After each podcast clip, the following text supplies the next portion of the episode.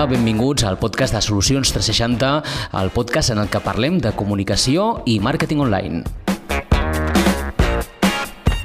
Avui tenim amb nosaltres a la directora de Ona Malgrat, una emissora municipal, l'emissora municipal de Malgrat de Mar, Laura Tellez, amb la que parlarem precisament d'això, de com tracten el màrqueting online, de què els serveis, com els serveis el màrqueting digital, com els ajuda a, a arribar als seus oients més enllà de les zones, més enllà de l'FM. Laura, benvinguda, gràcies per ser amb nosaltres. Hola, gràcies i gràcies a vosaltres doncs, per convidar-me a participar en aquest podcast.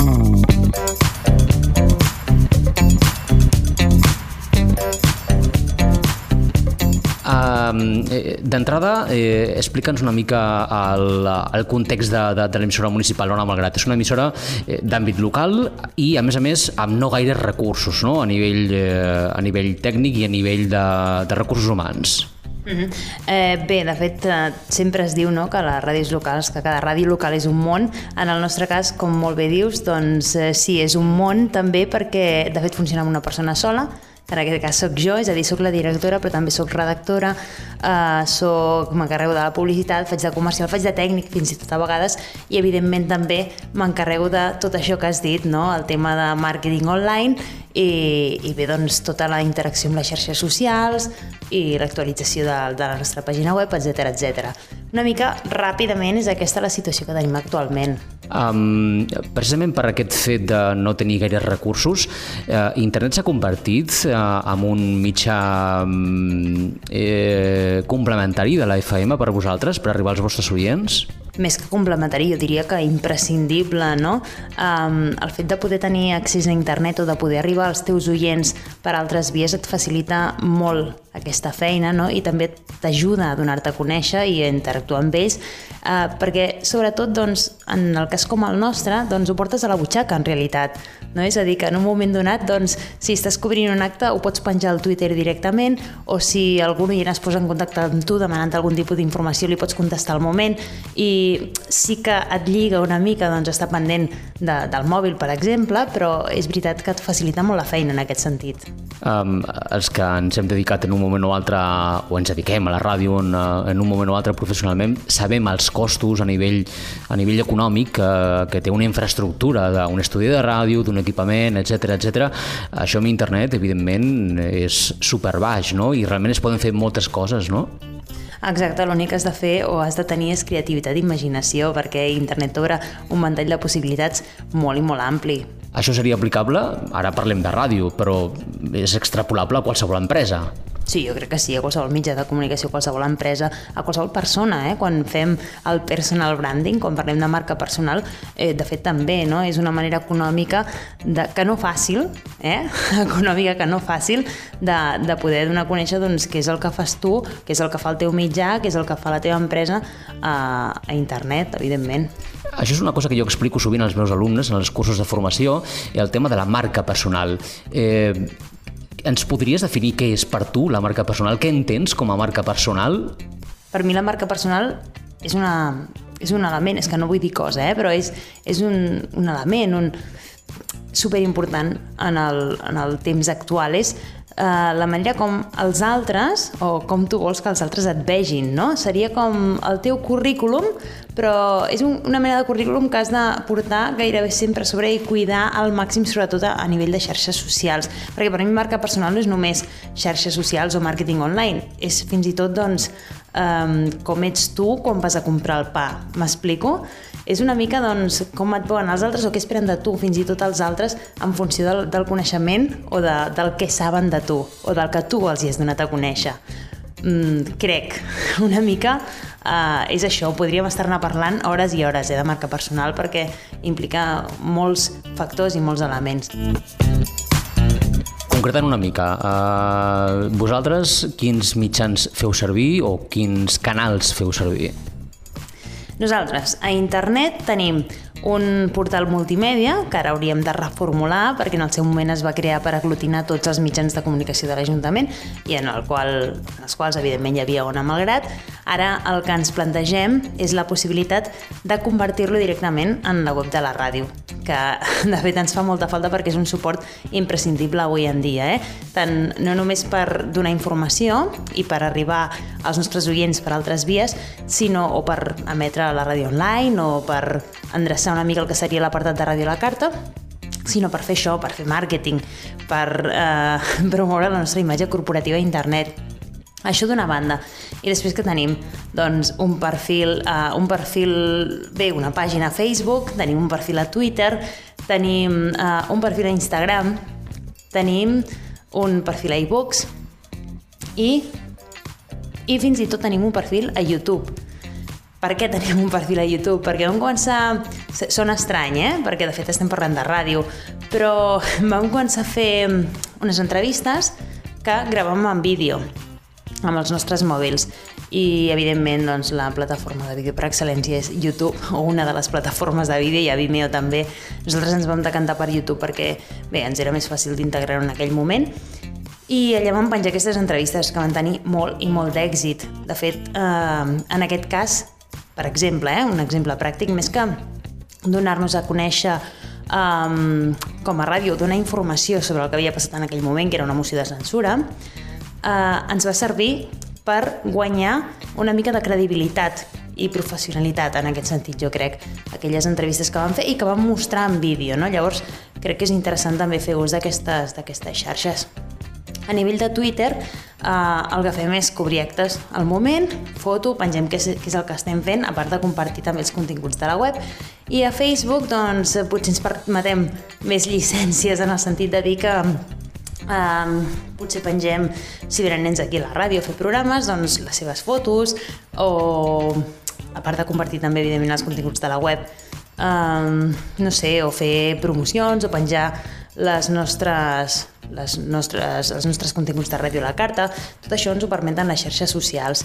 I a Instagram intentem buscar un enfocament diferent, eh? més de ràdio, mostrar més, doncs, no sé, els nostres auriculars. Eh, és una manera d'ensenyar de, la ràdio des d'un altre punt de vista, no? I que també és, és més amable, més, més creatiu, si tu vols.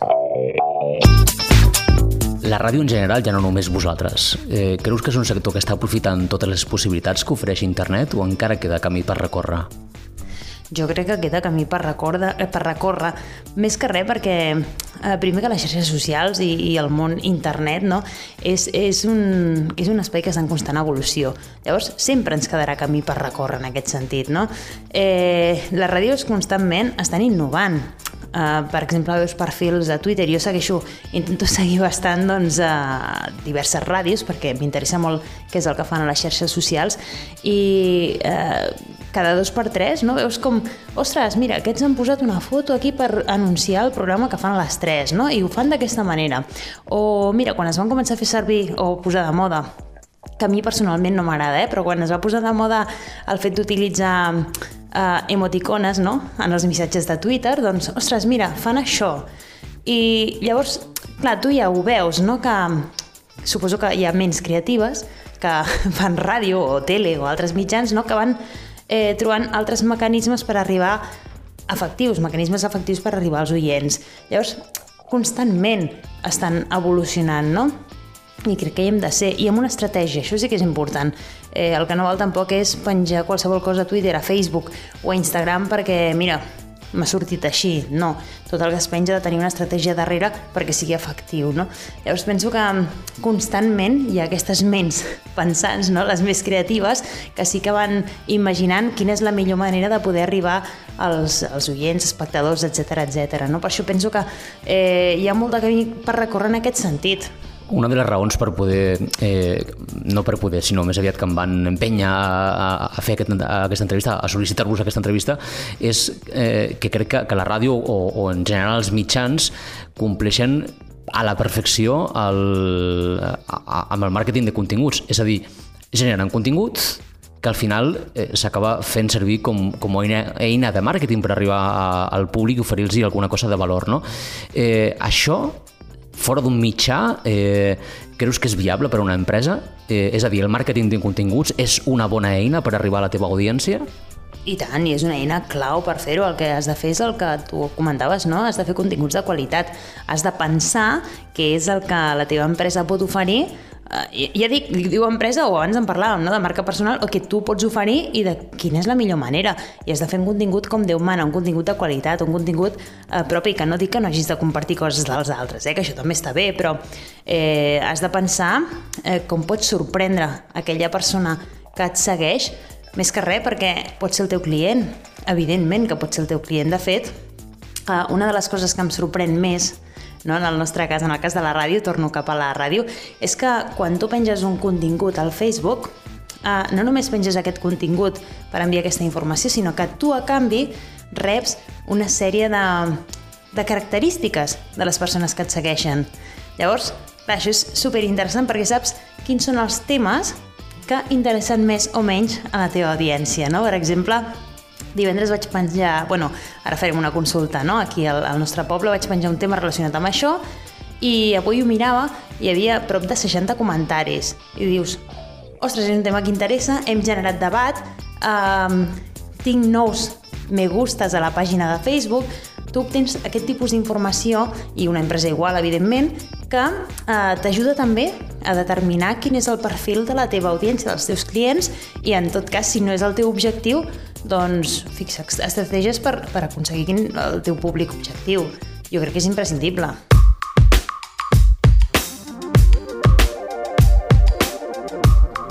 al final es tracta d'un win-to-win, no? O sigui, aquí tothom guanya, l'oient, el consumidor i també el generador de continguts l'empresa, no?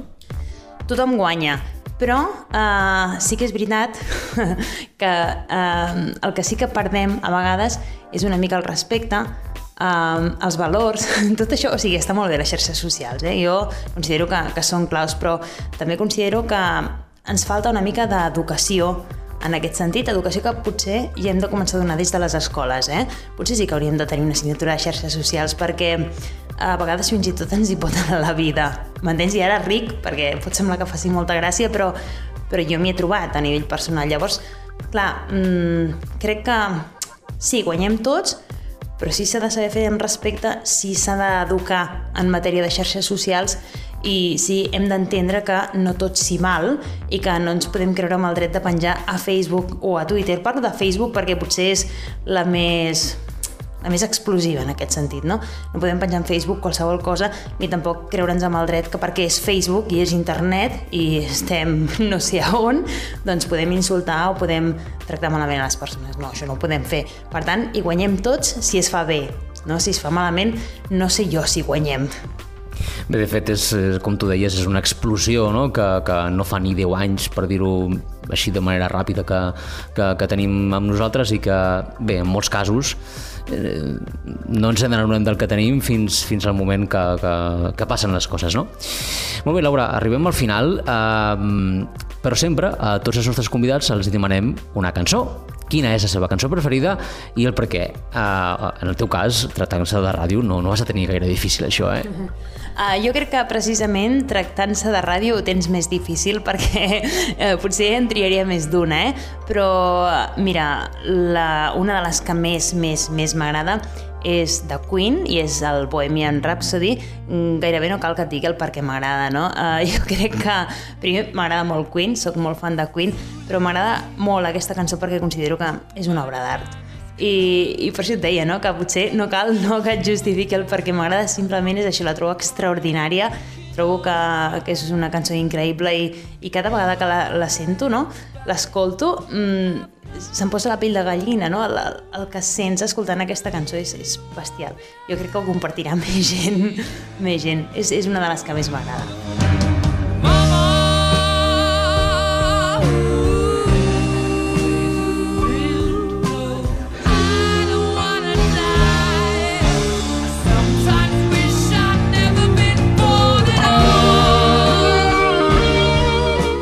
Laura Tellez, directora d'Ona Malgrat, televisora municipal de Malgrat de Mar, moltíssimes gràcies per haver-nos concedit aquests minuts al podcast de Solucions 360, conscients de que el teu temps és superlimitat.